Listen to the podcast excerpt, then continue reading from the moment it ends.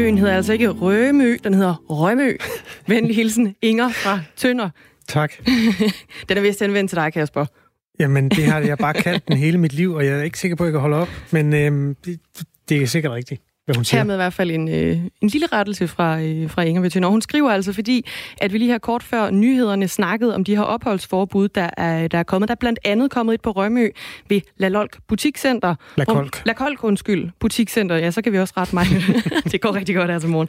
Øh, der er kommet et, øh, et opholdsforbud der, og så er der også kommet et opholdsforbud på øh, Islands Brygge ved Havnefronten i, øh, i København.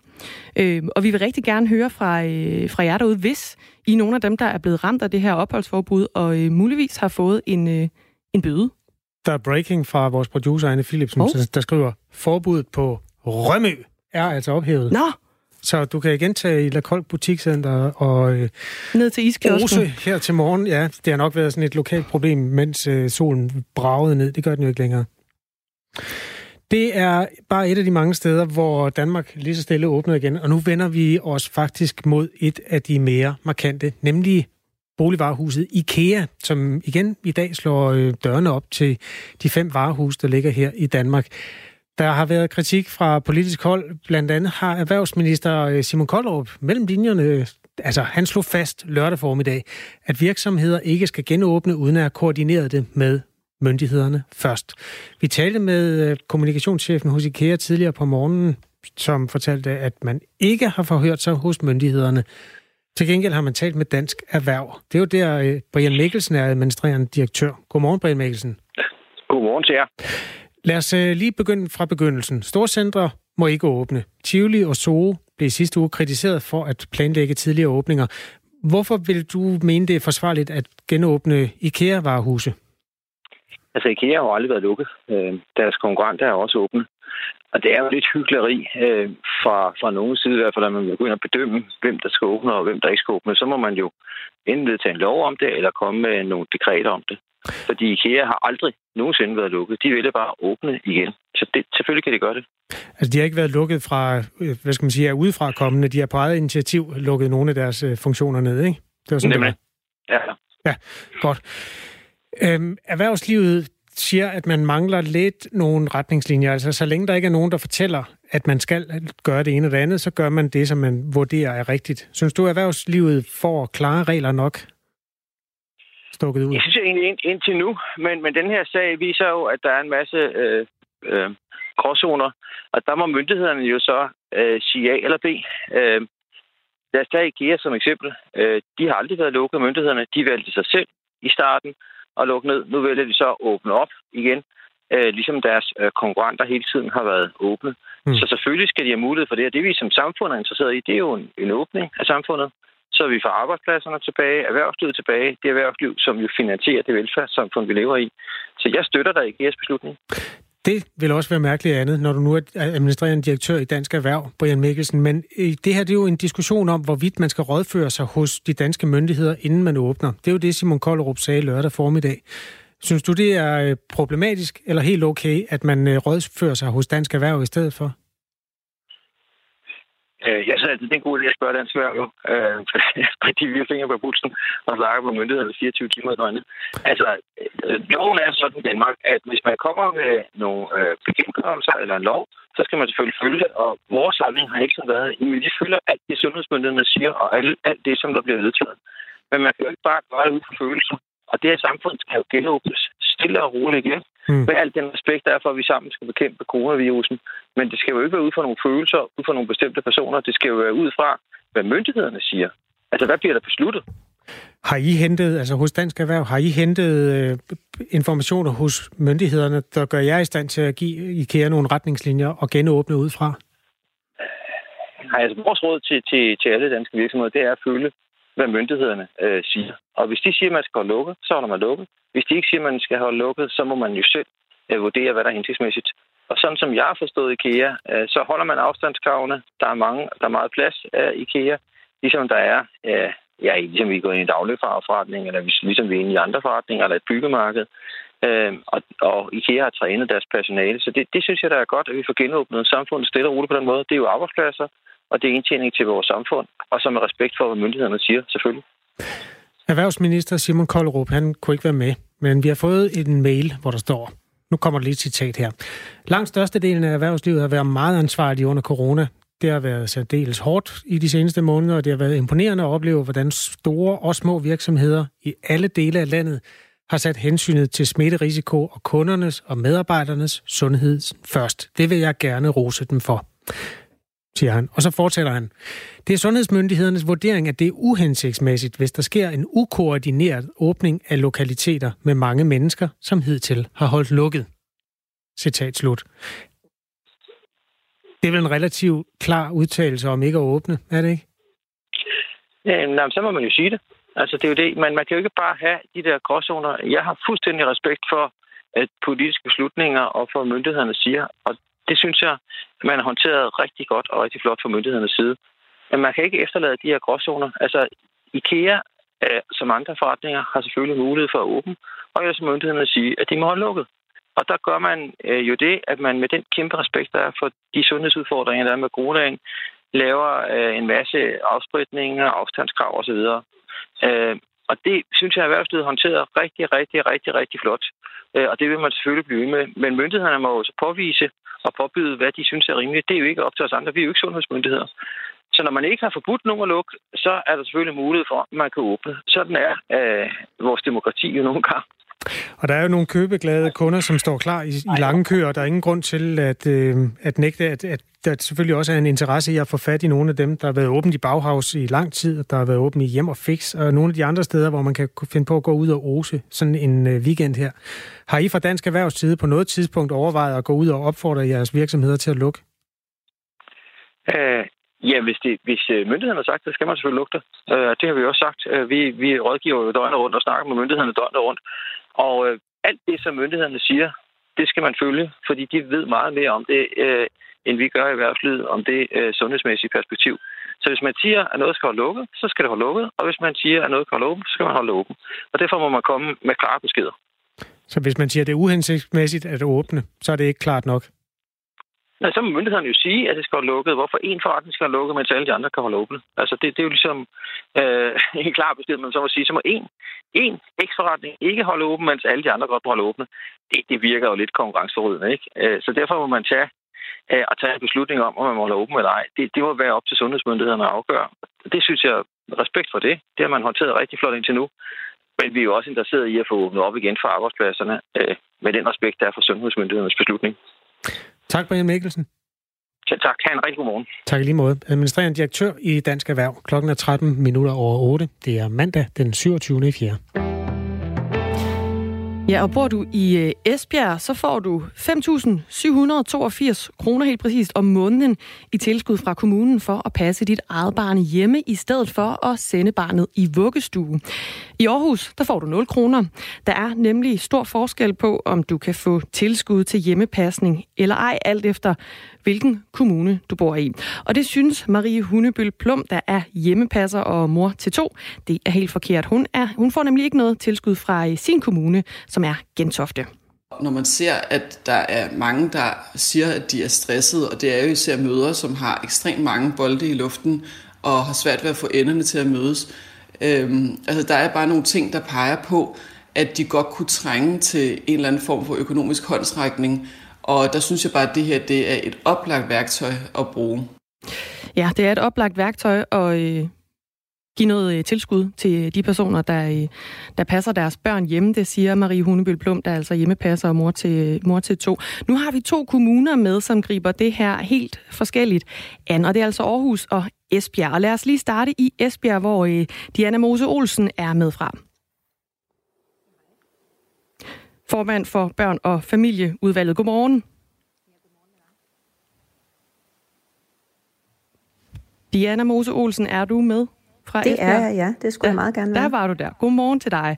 Ja, du er øh, formand for børn- og familieudvalget i, øh, i Esbjerg, og der får man altså tilskud for at passe sit barn derhjemme. Hvad er det for nogle erfaringer, som gør, at I som kommune giver tilskud til, til de børnefamilier, øh, der vælger at passe derhjemme?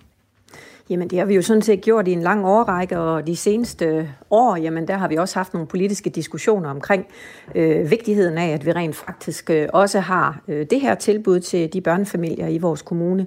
Så vi har sådan set positive erfaringer. Det er ikke fordi, der er så frygtelig mange børnefamilier, der benytter det, men vi synes egentlig, at det er rimeligt, at øh, vi har forskellige tilbud til de børnefamilier, der bor i Esbjerg Kommune. Jeg kan vel lige komme lidt nærmere ind på, hvad er det for nogle lidt mere konkret positive erfaringer? Får I nogle tilbagemeldinger på, hvad er det lige, det betyder for de her familier? Jamen det betyder jo meget at kunne indrette sin børnefamilie lige præcis sådan, som man har et ønske om som familie. Altså man kan vælge at gå hjemme lidt længere tid, øh, hvis man får muligheden for øh, tilskud til at passe sine børn. Og det er der flere, der kvitterer for, og det er faktisk også sådan, at der er en, en rimelig stor øh, gruppe af øh, hvad hedder det, mødre, der hjemmepasser deres børn, der samlet sig og laver forskellige aktiviteter. Vi bliver kvitteret for øh, med meget positive tilbagemeldinger. Ja, i 2018 der var det cirka halvdelen af landets 98 kommuner, der gav tilskud til forældre, der altså ville passe barnet derhjemme. Det viser de seneste tal, vi har kunne få fra det daværende børne- og socialministerium i Esbjerg. Der øh, startede den her ordning op i 2013, der vedtog man det her tilskud. Øh, og i 2014, der havde man så 89 personer, der benyttede sig af at få tilskud i, øh, i Esbjerg til at passe deres barn derhjemme. Og i 2019, altså sidste år, var der 160 personer. Vi har også dig med, Eva Borkhorst Meinerts. Ja, hej. Forkvinde i børne- og ungeudvalget i Aarhus Kommune, som griber det her med hjemmepasning noget anderledes an i forhold til tilskud. I Esbjerg, der har de gode erfaringer med at give tilskud til personer, der gerne vil passe deres øh, børn derhjemme. Hvorfor skal borgerne i Aarhus ikke have gavn af, af sådan et tilskud? Jamen, det er jo en øh, lang diskussion, der øh, for os rækker tilbage til 2016, hvor jeg faktisk ikke var valgt ind. Så jeg har været inde og sat mig ind i, hvad argumentationen var. Øhm, og man mener ikke, at alle børn vil realisere deres potentiale. Øhm, det vil også modvirke arbejdsmarkedsintegrationen og øh, påvirke øh, nogle børns øh, udvikling socialt og sprogligt. Så man forventer simpelthen, at der vil være en uønsket effekt for øh, især de udsatte børn. I Esbjerg, der har man haft, øh, haft gode erfaringer med det her. Blandt andet så øh, øh, siger Diana Mose Olsen her jo, som er formand for børn- og familieudvalget i Esbjerg, at, at familierne de selv skal kunne have lov til at indrette deres hverdag. Er det ikke noget, der betyder noget i Aarhus Kommune? Jo, det gør det helt sikkert, og jeg, og jeg har også selv været tilhænger af det. Øh, men jeg lytter også til fagligheden her, og jeg tænker, at Aarhus Kommune er en helt anden kommune end, øh, end Esbjerg. Så øh, ja, jeg har jo ikke selv været en, en del af diskussionen i 2016, øh, og det er muligt, det kan komme på tale igen. Men øh, lige nu her, der lytter jeg i hvert fald til den faglighed, der ligger, og der er vi helt klart tilhængere af, at alle børn skal realisere deres potentiale. Diana Mose Olsen øh, fra Esbjerg Kommune. Hvad siger du til de her faglige overvejelser, som Eva Borkost Meinerts hun øh, bringer på banen her? Øh, faglige overvejelser, der er spændt ben for noget i Esbjerg, vil jeg sige. Fordi vi har jo også, øh, der er jo opstillet en række kriterier for, øh, at man kan ansøge om at hjemmepasse sit barn. Øh, for det første, så er man, må man ikke modtage øh, offentlig overførselsindkomst. Man skal faktisk også dokumentere både dansk kundskab og flere andre elementer. Og udover det, så har vi jo en sundhedspleje, som rent faktisk også er opsøgende i forhold til vores børnefamilier.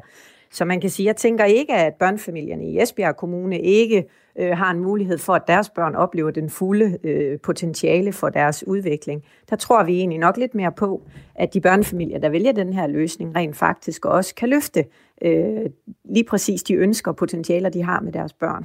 Så man kan sige, det er jo en kortere periode, man kan vælge at gå hjemme.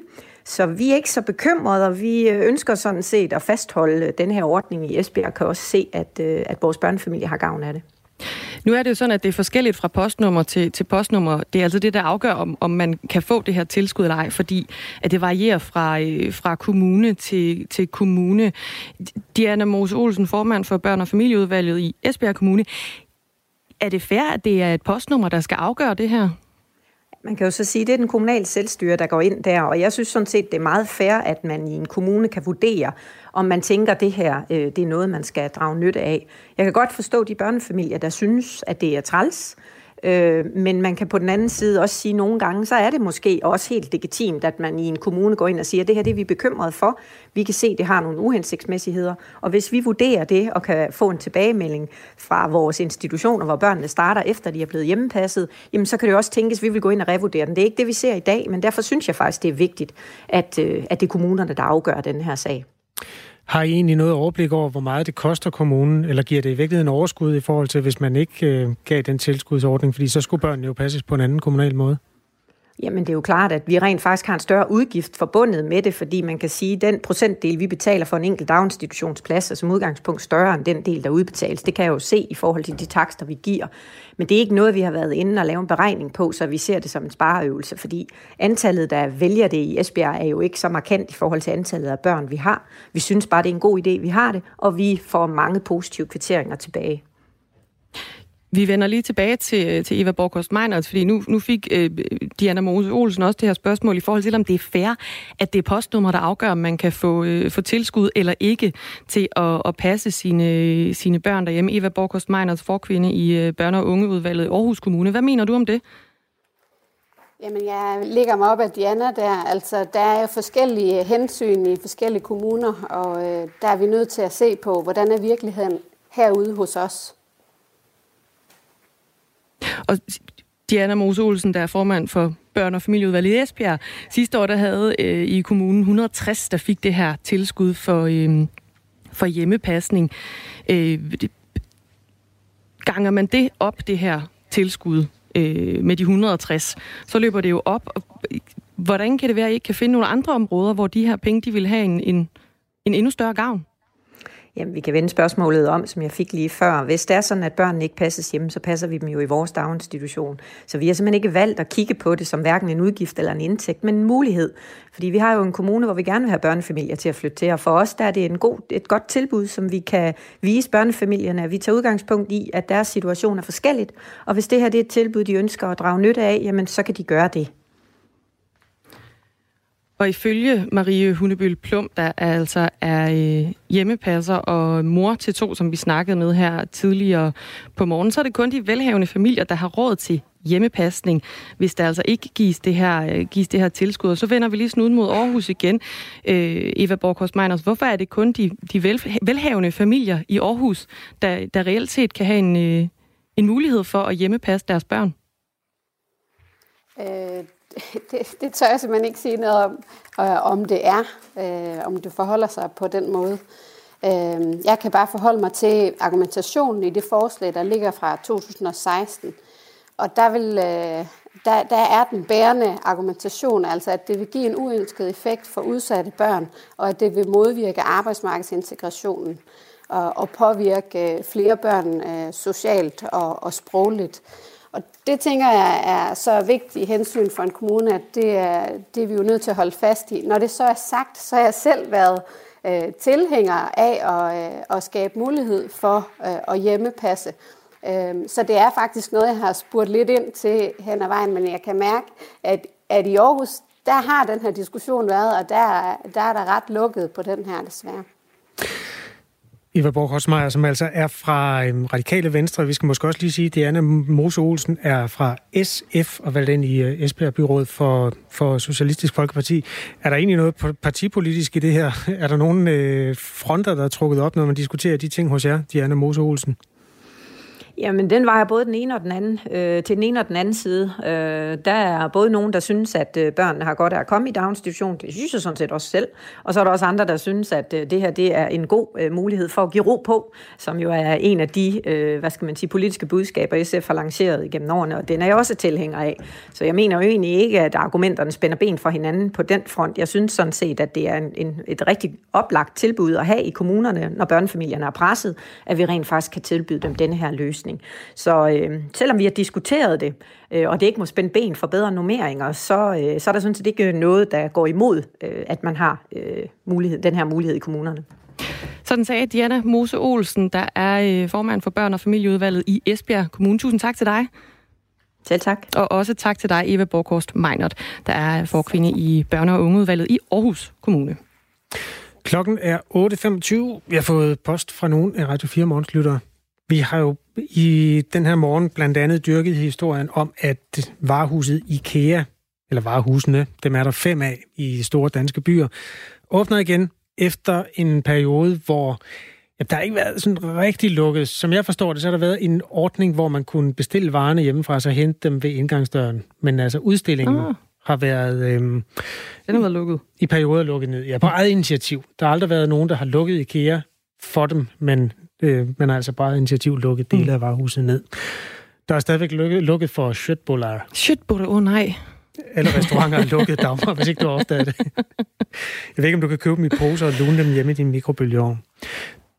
Der er kommet sms fra Bo, som refererer til interviewet med direktøren i Dansk Erhverv, Brian Mikkelsen. Bo han skriver, selvom Brian Mikkelsen nogle gange godt kan være lidt forvirrende at lytte til, så er jeg helt på halvt øh, side i denne sag. Det er meget diffust, og det virker som om, det bliver grebet ud af luften, hvad der kan genåbnes, og hvad der ikke kan. Hvad er forskellen på et boligvarehus som IKEA og byggemarkeder, som hele tiden har haft åbent uden påtale? Det er forståeligt, at det gør erhvervslivet noget konfus, og at politikeren så kommer til at stå ubeslutsomme hen. Citat slut fra Bo. Øh, vi har jo den her mail, som vi har fået, jeg ved ikke engang, skal vi læse den op en gang til Erhvervsministeriet? Det er jo sådan, det korte og lange er, at... Øh, vi kan ikke komme igennem til erhvervsministeren. Nej. Jeg vil ikke forholde mig til enkelte virksomheder, men jeg vil på regeringens vegne opfordre til, at man ikke på nuværende tidspunkt lægger sig fast på en tidlig genåbning eller på, hvad der skal ske i maj måned, før der er blevet taget samlet stilling til næste fase af genåbningen.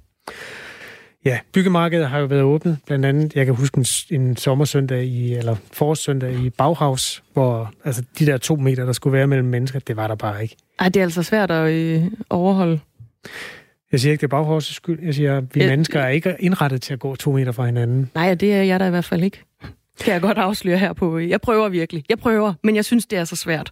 Bauhaus prøver også. Bauhaus prøver også. Jamen, alle prøver jo sådan set. Alle de steder, jeg i hvert fald har været ude i butikker og så videre, der står der jo, at det må være maks så så mange mennesker i, øh, i butikkerne. Nogle steder må der kun være én kunde, alt efter hvor store de er. Nogle steder må der være tre. Og andre steder, der har de de der smarte striber på, på gulvene. Og jeg kan så godt nogle gange komme til at gå lidt tættere på folk, end hvad de der klistermærker på gulvet, de siger, jeg må. Undskyld på vegne af alle mennesker, der kommer til at gøre øh, det der at gå mod færdselsretningen. Der, jeg lader faktisk mærke til, apropos Bauhaus, nu har vi mm. nævnt den mange gange, øh, der var øh, skruegangen var blevet ensrettet. Skruegangen? Okay. Det er der, hvor der er sådan nogle skruer, som du kan, du kan simpelthen... Altså de der skruer, man putter i væggen og hænger billeder op med? Jamen, du kan også putte dem i, i bilen eller i dit implantat i hoften. Du kan bruge de skruer. Der er simpelthen alle slags øh, skruer, hvor man køber dem på vægt. Og det er sådan et sted, hvor øh, ofte mænd går i lidt længere tid ad gangen for at finde de rigtige skruer. Sig mig lige en gang, køber man dem på vægt? Altså sådan lidt ligesom blandt selv skruer? Ja, nu bliver det en kæmpe baghavsreklame det her. Ja, det gør man faktisk. men blandt selv slik, det er jo faktisk øh, det er jo lukket, men blandt selv skruer, det er så åbenbart ok. Ja, og det er jo heller ikke alle steder, at blandt selv slikket er lukket. Nu vil jeg ved det. Nå, men for bare at sige, man gør, hvad man kan for at øh, regulere, at øh, folk ikke står alt for meget oven i hinanden. Der er en sms fra Mia også. Kan jeg ikke lige tage den? Det kan du tro. Tusind tak for øhm, info om, at IKEA ikke har været lukket. Det må så give grønt lys til åbning af biblioteker og bakken. Alt åbnes op igen. Jubi, skriver Mia. Jubi. Vi ja. spritter i hvert fald øh, af herinde i, øh, i studiet, og i mellemtiden så er der et øh, nyhedsoverblik, og det er med Signe Ribergaard Rasmussen.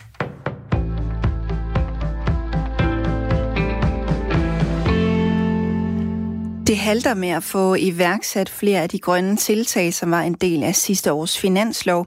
For eksempel så er der ikke sat gang i planerne om en ny grøn fremtidsfond, eller at finde penge til at fjerne klimaskadelige landbrugsjord fra produktionen.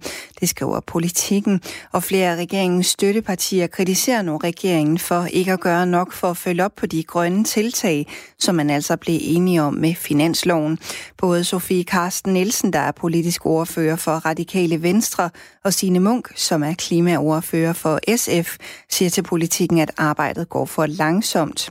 I et skriftligt svar til politikken siger Miljøminister Lea Wermelin, at klimaet, miljøet og naturen er lige så vigtige nu som før coronakrisen, men at krisen har haft betydning for arbejdet. Men den forklaring giver Sofie Karsten Nielsen fra Radikale Venstre ikke meget for. Det gik også meget, meget langsomt inden coronakrisen. Det her er jo i december, vi besluttede de her grønne tiltag. Og der er slet ikke kommet noget i gang endnu. Det er først her nu, sent i april, at der bliver holdt ordførermøder sådan siger Sofie Karsten Nielsen, og SF Sine Munk er enig. Vi kan både håndtere en sundhedskrise og en coronaepidemi, samtidig med at vi håndterer klimakrisen. Et element i finansloven er blandt andet den grønne fremtidsfond, og det er faktisk netop en grøn investeringsfond, som kan hjælpe os ud af den økonomiske afmatning, de jobtab, vi oplever lige nu, og sørge for, at der bliver lavet grønne investeringer. Og derfor har vi også taget netop det element med til regeringen, for at sige, at det skal altså i gang nu med den grønne fremtidsfond. Tidligere har radikale venstre troet med at trække sin støtte til regeringen, hvis den ikke følger op på de klimaløfter, den er kommet med. Den trussel står stadig ved magt, hvis regeringen løber fra løftet om at træffe klimabeslutninger, som vil reducere CO2 inden sommerferien. Salget i de danske butikker faldt med 2% fra februar til marts. Det oplyser Danmarks Statistik. Det skyldes, at mange butikker er lukket for at mindske spredningen af coronavirus. Ifølge Danmarks Statistik så er der risiko for, at den faldende tendens i butikkernes salg fortsætter. Og det begrundes med, at forbrugerforventningerne for april viser en markant nedgang i den aktuelle købelyst blandt danskerne. Mens partilederne på Christiansborg diskuterer genåbningens fase 2, så vrider skolechefer i landets kommuner deres hjerner for svar, hvis de ældste elever ender med at blive sendt tilbage på skolebænken efter den 10. maj. De to store udfordringer er, hvor de store elever skal være og hvem der skal undervise dem. I forbindelse med genåbningen for de små elever har de fleste skoler måtte inddrage udskolingens lokaler for at kunne overholde sundhedsmyndighedernes krav om, at der skal være mindst to meter mellem børnenes borer. Der er også mange af de ældste elevers lærere, som er blevet sendt ned i de små klasser, fordi de yngste elever er blevet delt op i mindre grupper, som kræver at være sin voksen. Det er især det sidste, der giver hovedpine i Svendborg Kommune, det siger skolechef Nana Lohmann. Så længe Sundhedsstyrelsens krav hedder to meter, så vi bliver nødt til at dele vores hold op i to eller tre, så har jeg svært ved at se, at det kan lade sig gøre at tage de ældre elever ind efter 10. maj, siger hun. Landet over er der godt 300.000 elever fra de ældste klasser, der får fjernundervisning i deres eget hjem. I den syd- og sydøstlige del af landet bliver det mest tørt med lidt eller nogen sol i dag. I resten af landet bliver det overvejende skyet og til tider med regn, men i løbet af dagen bliver det mest tørt mod nordvest, og der kommer lidt sol. Temperatur mellem 12 og 17 grader, men i Nord- og Vestjylland kun 8 til 11 grader, og svag til jævn vind mellem syd og vest.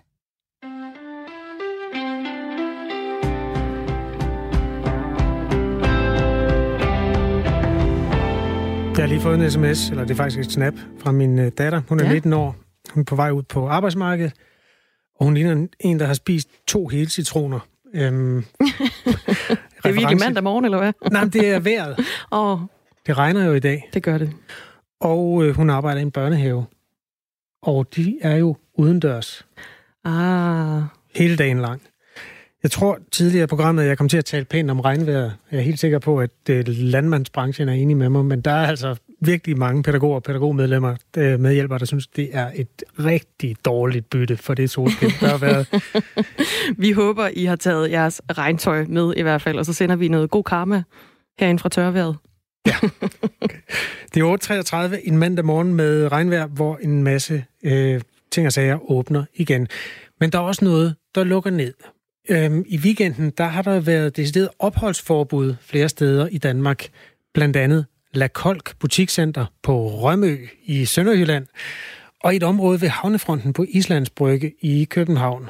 Derudover har politiet ændret retningslinjer, så der nu skal uddeles flere bøder for at opdrage folk til at efterleve de her forsamlingsforbud. Her i weekenden oplevede en mor med to børn, at hun brød opholdsforbud på Islands Brygge, og hun fik en bøde på 2.500 kroner.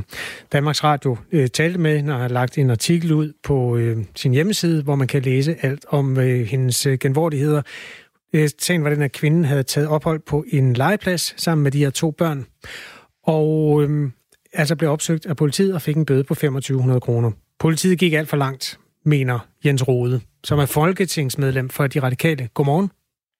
Godmorgen. Hvorfor mener du det? Fordi sådan en situation her er jo ekstraordinær, og de øh, magtbeføjelser, vi som politikere har givet vores politi, skal forvaltes med smidighed og med konduite. det er jo klart, at politiet skal kunne udstede bøder, udstede bøder hvis der er nogen, der øh, udgør en risiko eller bevidst trodser et forbud øh, ved, at man øh, laver store forsamlinger og insisterer på at være der. Men fordi en mor øh, lader sine børn lige hvile på en bænk øh, på en legeplads, øh, skal politiet efter min mening øh, bare gå ind og sige, øh, hvad, det er sgu ikke så godt, du lige står her, øh, og at de sidder her, fordi mm. vi har indført det og det. Øh, I må finde et andet sted. Nu er du jo den lovgivende magt, og så er der en udøvende magt, som har været ude og skal udøve det her forsamlingsforbud, som er blevet vedtaget af, af regeringen. Og, og, og altså, man har jo fra politiets side fundet den her kvinde. Hun sad på en legeplads, der var spærret af. Der var tydelige skilte. I anledning af covid-19, så må man ikke være her. Hun var der alligevel. Hvor, hvor mange gange synes du, man skal sige, det må du ikke, før man skal begynde at give bøder? Fordi jeg tror, det er et, et, et udtryk for, at man fra politiets side har haft en lang periode, hvor man har været hjælpere. Nu går man ud og er lidt mere opdragende. Ja, politiet skal stadig være hjælpere, for vi lever ikke i en politistat. Og nu er jeg jo, øh, som du selv siger, en del af den lovgivende magt. Og meningen er ikke med de her øgede beføjelser, at politiet skal ud og lege politistat. Øh, øh tværtimod, i sådan en situation, hvor tingene og de forbud og de sanktioner, der bliver indført, jo kommer med dags varsel, så skal politiet være ekstra opmærksom på at være et serviceorgan over for øh, folk. Der, hvor det synligt ikke er en bevidst provokation eller et forsøg på at bryde forbuddet. Her er der tale om, at børnene skulle have et hvil på en bænk, og vi ved alle, os der har børn, at sådan noget, det kan komme meget pludseligt, øh, når man går rundt med, med børn. Så jeg mener, at øh, og vil kraftigt opfordre politiet til, at man farer med lempe, at man udviser konduite, at man stadig udviser smidighed øh, i den her slags situationer. For ellers bliver vi jo nødt til som lovgiver at, øh, tage den her diskussion op igen. Fordi Men... politiet har ikke fået magten for at skulle bruge den på den her måde. Politiet har fået nogle instrumenter, der skal til for at sikre, at folk ikke bliver unødigt smittet. Og jeg tror ikke, at den her mor med de to børn udgjorde nogen fare for nogen. Nu har politiet jo øh, i, i, i dagvis sådan set øh, råbt op omkring det her med, at folk de forsamler sig, for eksempel der på, på Islands Brygge, øh, og, og sådan set råbt op om, at nu skal I lytte efter. Øh, så er strategien så blevet ændret til fra, fra ligesom sådan dialog til, til bøde. Ikke? Øh, og du snakker om, at, at politiet skal være et, øh, et serviceorgan, men giver det ikke mening, når man nu har advaret og råbt op, så skal man vel ikke blive ved med at være dialogsøgende og et serviceorgan, der oplyser, men så skal man jo også slå ned på et eller andet tidspunkt. Ja, hvis der er større forsamlinger eller folk, der stemmer sammen og sætter sig ned og ikke vil øh, høre på, hvad der bliver sagt, så er det sådan set øh, helt fair. Man har jo øh, valgt en strategi, og så ændrer man øh, strategien fra den ene dag til den anden. Der må man også have en forståelse for, at øh, det er jo måske ikke alle, der lige har været opmærksom på det. Og i den her øh, situation udgør øh, den pågældende jo ikke nogen fare for nogen. Det er jo alt, hvad der foretages her, der skal gøres ud fra et sundhedshensyn, og ikke ud fra et magthensyn. Det, det, øh, den slags vil vi ikke have. Altså, jeg mener helt grundlæggende, at det er forkert, og man skal huske på, at det i øjeblikket godt kan være ret forvirrende for befolkningen. Det kan det simpelthen også øh, for øh, os, der sidder og træffer beslutninger. Jo. Det var ikke spor forvirrende, Jens Rode. Vi er nødt til at sige, at der var simpelthen tydelige skilte, og der var et hegn, der sagde, her må man ikke være. Det er ikke forvirrende. Det er en meget klar besked. Og nu siger den her kvinde, at øh, hun har ikke været opmærksom på det her. Og ved du hvad? Uanset hvad, så udgør hun jo ikke nogen risiko for nogen. Og derfor kan man godt fare med lempe og med smidighed, uanset hvilken situation vi har. Fordi det her, det er ekstra beføjelser, som politiet har fået. Og dem skal de altså bruge varsomt. Og vi har et folketing, der dagligt diskuterer genåbning, genåbning og genåbning. Og når man får de signaler i befolkningen, så er der ikke noget at sige til, at der kan opstå en lille smule forvirring. Og i den her sammenhæng synes jeg jo bare, at politiet skal huske, at de har fået nogle magtbeføjelser, og dem skal de bruge med smidighed men de skal bruge dem, når det er strengt nødvendigt. De skal ikke bare bruge dem for at vise deres kraftfuldhed og deres magt. Det er, er udansk, og det bringer simpelthen en fare for, at tilliden mellem befolkning og myndigheder forsvinder, hvis politiet farer for hårdt frem. Og det tror jeg ikke, der er nogen, der ønsker sig. Det er det. Der er slet ikke nogen... Resultatet er andre steder. Der er ingen strategi fra politiets side om at øh, vise sig som stor og stærk, og hvad, hvad du ellers var, du fik sagt. Men Jesper Bangsgaard, som øh, er vicepolitiinspektør ved Københavns øh, politi... Det, han... det mener du, du kan gøre dig til dommer over, eller hvad? Nej, jeg vil jo gerne... Han, han Hvilken går... viden har du for det? Jeg, jeg har et uh, citat, som jeg vil læse op for dig, hvis du har tid. Jesper Bangsgaard er vicepolitiinspektør hos øh, Københavns Politi, øhm, og han siger sådan her, det kan godt virke for den enkelte hårdt og uretfærdigt at få en bøde, men vi har skiltet alle steder på vej ind til Islands Brygge, og på det grønne område er der skiltet meget tydeligt. Man er nødt til at se det i et lidt større perspektiv. Ja, det skal politiet også huske at se det i et lidt øh, større perspektiv. Fordi når man får øget magtbeføjelser, så skal man bruge dem, så befolkningen stadig kan forstå dem og stadig har tilliden. Hvis befolkningen mister tilliden til myndighederne, så kommer de til at agere uhensigtsmæssigt. Og det her, det bringer en fare, når man ikke kan forstå det, der foregår. Og jeg tror, de fleste synes, at det er lidt ude af proportioner at give en mor med to små børn en bøde for, at de tager et hvil på en bænk.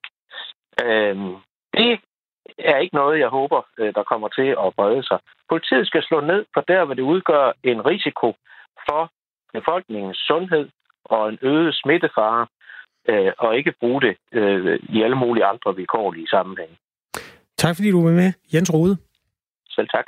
Som er folketingsmedlem medlem, hedder det, for de radikale. Den her historie, den stammer fra DR's hjemmeside. DR har nemlig talt med moren, som hedder Maika Munk Mikkelsen, og også med Københavns politi, altså hvor Jesper Bangsgaard replicerede på den. Vi har også ragt ud, men har ikke haft held til at få nogen af dem med i radioen her til morgen.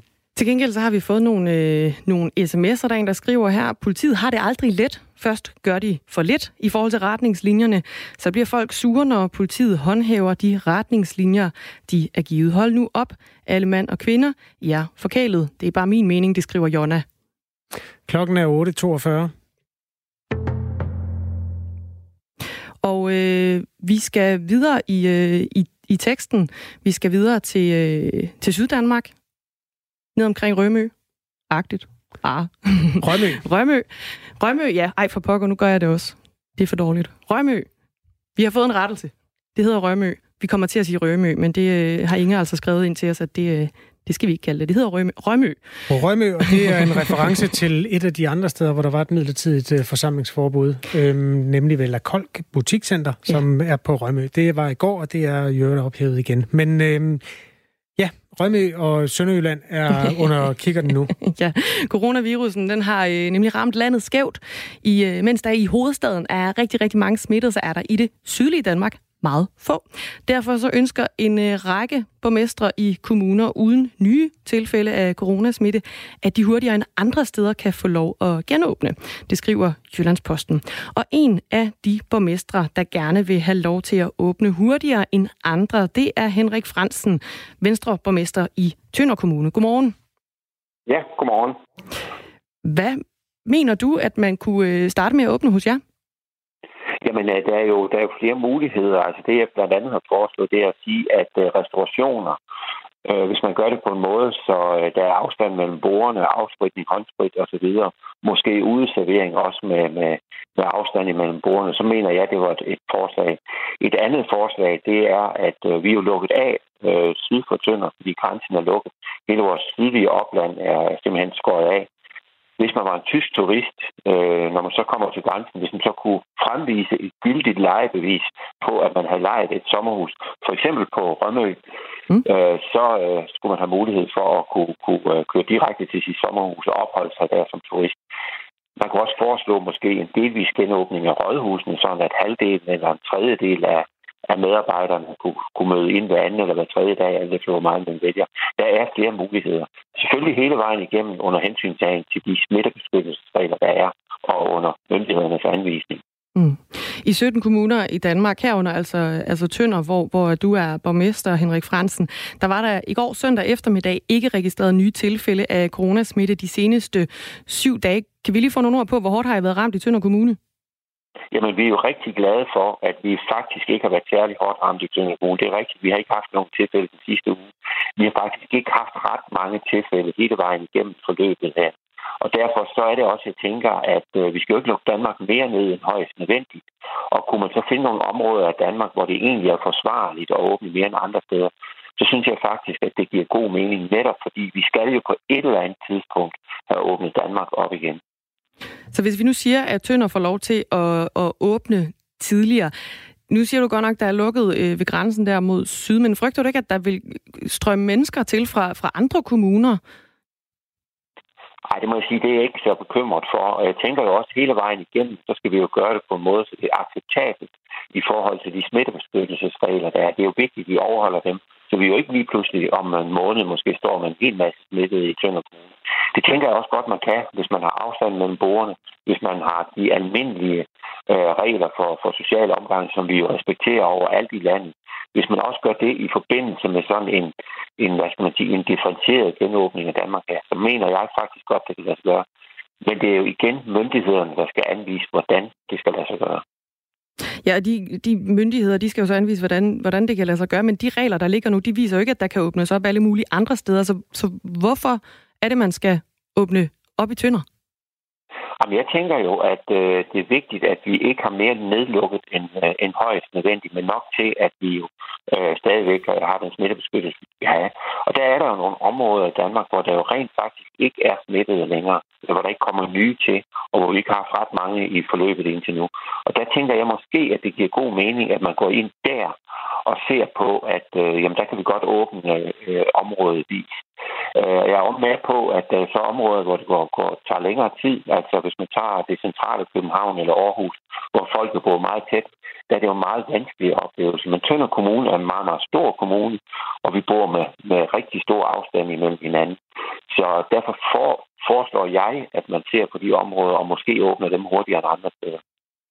Der sidder måske en masse mennesker øh, derude, som efterhånden er lidt øh, vilde efter at komme ud og spise på en restaurant for eksempel. Kunne det ikke friste nogle folk til at tage til Tønder, hvis nu I for eksempel begynder at åbne op på restaurationsområdet, som resten af landet jo så ikke vil kunne? Jo, men der kommer jo ikke flere folk af, at øh, øh altså, der kommer ikke flere borer på restaurationerne af, at der kommer flere folk. Så hvis ikke man har fået bestilt et bord, inden man øh, dukker op i tønder, jamen, så er der bare ikke et bord til, til en. Så det tænker jeg jo godt, man kan håndtere den vej rundt. Igen må der ikke være flere borer i lokalet, end der er god afstand imellem øh, mellem folk, så de ikke smitter hinanden. Der må heller ikke være flere borer uden for en restaurant, til at der er gode afstand. Og det tænker jeg godt, man kan, man kan håndtere den vej rundt. Øhm, og netop igen, fordi at der er jo ingen grund til at holde området lukket i Danmark, hvor, hvor man kan sige, at det er forsvarligt at åbne mere end andre steder. Men er det ikke netop en god idé, at man holder sådan en, en generel nedlukning, øh, altså et generelt niveau af, af lukning, kan man måske kalde det, øh, i hele Danmark, indtil det her det sådan er relativt blæst over? I stedet for, at man begynder at åbne op nogle steder, og så kommer der lige pludselig et nyt, jeg vil næsten kalde, ikke et, måske et epicenter, men et nyt sted, hvor, hvor coronavirusen den så kan blomstre. Nej, men jeg tænker jo, at man skal, altså man skal bruge hovedet undervejs her, og tænke sig godt om.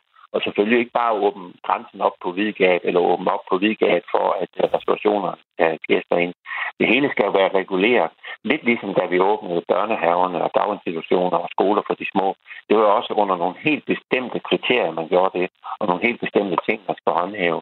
Og det vil jeg jo også, øh, så klart så er det jo også, at jeg siger, at der må jo ikke være flere borgere i et restaurationslokale, end man stadigvæk kan afstand. Der må ikke stå flere borgere ude foran på, til udservering, så der stadigvæk er afstand. Og øh, selvom der er dobbelt så mange, der gerne vil bestille et bord, så er der stadigvæk kun de måske 25, der er plads til inde i restaurationen, der, der så kan komme ind.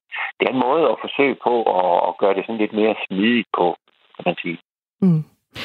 Hvad vil du sige, altså hvis nu, nu foreslår du, at I kan, I kan åbne tidligere op i, i, i Tønder Kommune, øh, fordi det egentlig går så relativt godt med, med, med antallet af smittede. Jeg har ikke haft et nyt øh, tilfælde i den seneste, den seneste uge. Hvad vil du sige til dem, som måske kan være utrygge ved at, at, at åbne tidligere op? Jamen, øh, jeg vil sige, at i Danmark, der har vi nogle sundhedsmyndigheder, øh, som jo hele vejen igennem har kørt en meget sikker linje i, øh, omkring corona her.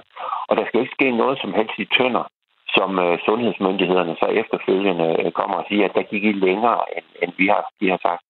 Vi har fra dag 1 i Tønder Kommune rettet os 100 procent efter de øh, øh, myndighedens forskrifter. Det skal vi også gøre her. Det jeg siger, det er bare, at øh, da vi jo er så lidt ramt, som vi er, så giver det måske ikke mening, at vi skal være lige så nedlukket, som man eksempelvis skal, skal være de steder i Danmark, hvor man bor rigtig tæt. Vi er Danmarks fjerde største kommune. Vi er kun 37.000 indbyggere. Er der noget, vi har rigtig meget af i Tønder Kommune, så er det god plads. Og derfor så er det, jeg siger, at øh, der giver det måske god mening at se på et område som vores og sige, at vi får, vi får lov at åbne mere op, fordi vi netop har god plads. Og vi ved jo, at afstanden mellem folk, det er noget af det, der virker rigtig godt i, som smittebeskyttelse. Men altså ingen opåbning inden øh, sundhedsmyndighederne, de siger, de siger god for det, kan jeg forstå, Henrik Fransen. Det øh, kunne vi aldrig drømme om at gøre, heller ikke i Tønder. Vi starter os efter sundhedsmyndighedernes anvisninger, men vi prøver bare at sige til dem, prøv at se på, at der er nogle områder her, hvor det måske giver mere mening at åbne mere op her fra start af. Tusind tak for det, Henrik Fransen, Venstre, borgmester i Tønder Kommune. Klokken er 8.51. Vi var ombord i historien om en mor til ja, mor til en, og så vist øh, sammen med datterens veninde var hun øh, ude og gå på Islands Brygge 2300 København S, hvor der var opholdsforbud i går. Hun tog ophold på en legeplads, der var spærret af, og fik en bøde på 2.500 kroner. Og øh, politiker, folketingsmedlem Jens Rode fra Radikale Venstre var ude og ytre sig på sociale medier om den sag. Han ytrede sig også i Radio 4 morgen. Han synes simpelthen, at vi nærmer os en politistat. Og sms'erne ligger lidt i to lejre. Øh, Dagmar, vi skal dele dem på en eller anden måde. Vil du ja. tage dem, der er med Jens Rode eller mod Jens Rode? Øh, med Jens Rode. Godt. Så kan du starte med den øverste fra Natalie. Der er en, der skriver, ja, det er Natalie, hun skriver, godt, der er en politiker, der tør sige noget, ligesom da politiet bare tog flagene fra folk. Det var også magtmisbrug, at vi ved at blive en politistat. Så er der nogen, der går mod. For eksempel den her, hvor der står, Rode fisker efter popularitet. Kvinden kan sagtens være smittet uden symptomer, og tillader man hende, tillader man flere, og så samles de igen, ganske som før. Hendes ageren udgjorde netop risikoen ved at trodse forbuddet.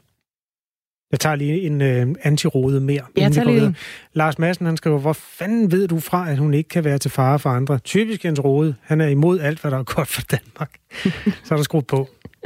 Så er der også en, der skriver, øh, for det første kan Jens Rode godt begynde med at indse, at opretholde lov og orden ikke er noget, man leger, og at folk, der ikke overholder påbud eller modsætter sig at ville rette sig efter henstillinger fra myndighedernes hold, bare er begyndelsen til anarki. Nå, så gik der kuk i øhm, vores rollefordeling, det Dagmar, fordi du skulle have haft alle dem, der var... Nå, så slutter jeg med en, der er med rådet. Ja, gør det. Bødens størrelse er der også helt hen i vejret. Hvem har bestemt, at den skal være 2.500 kroner? Start med 500 kroner, skriver Erik. Ja, men lad os øh, sige tak, fordi at øh, folk havde holdninger til det. Det er simpelthen også noget af det, en af de mindst komplicerede historier, vi har været ombord i i dag, og man kan godt mærke, mm. sådan følelsen bruges lige med det samme. Lidt kort spørgsmål. Ja. Din mor, hun har fået en bøde på 2.500 kroner. 2.500 kroner mm. fik moren. Ja. Men de var jo tre personer. Hvad gælder for børn egentlig? Melder der, er, er der noget i historien om det?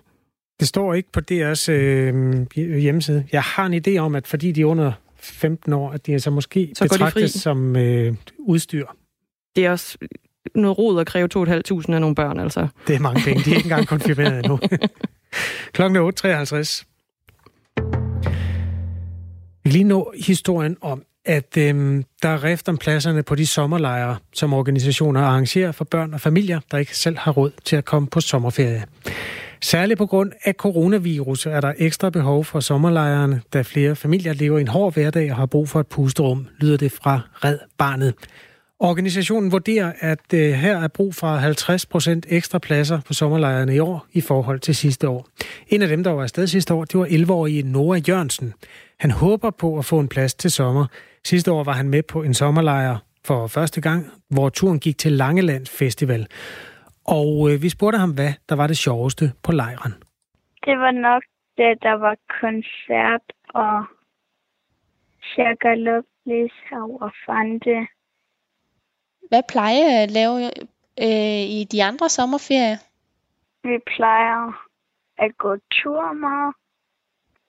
Hvad for en slags sommerferie kunne du så bedst lide? Den sidste år, hvor, at, hvor vi kom over i Langelands Festival. Hvad, hvad, hvad med dine venner? Hvad, hvad fortalte du dem omkring Langelands Festivalen?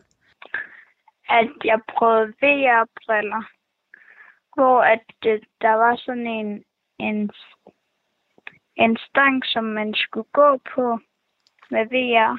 Og så, så inde i VR-brillerne, der var der rigtig langt ned, og så skulle man prøve at hoppe ned, imens øh, i virkeligheden var der ikke særlig langt ned.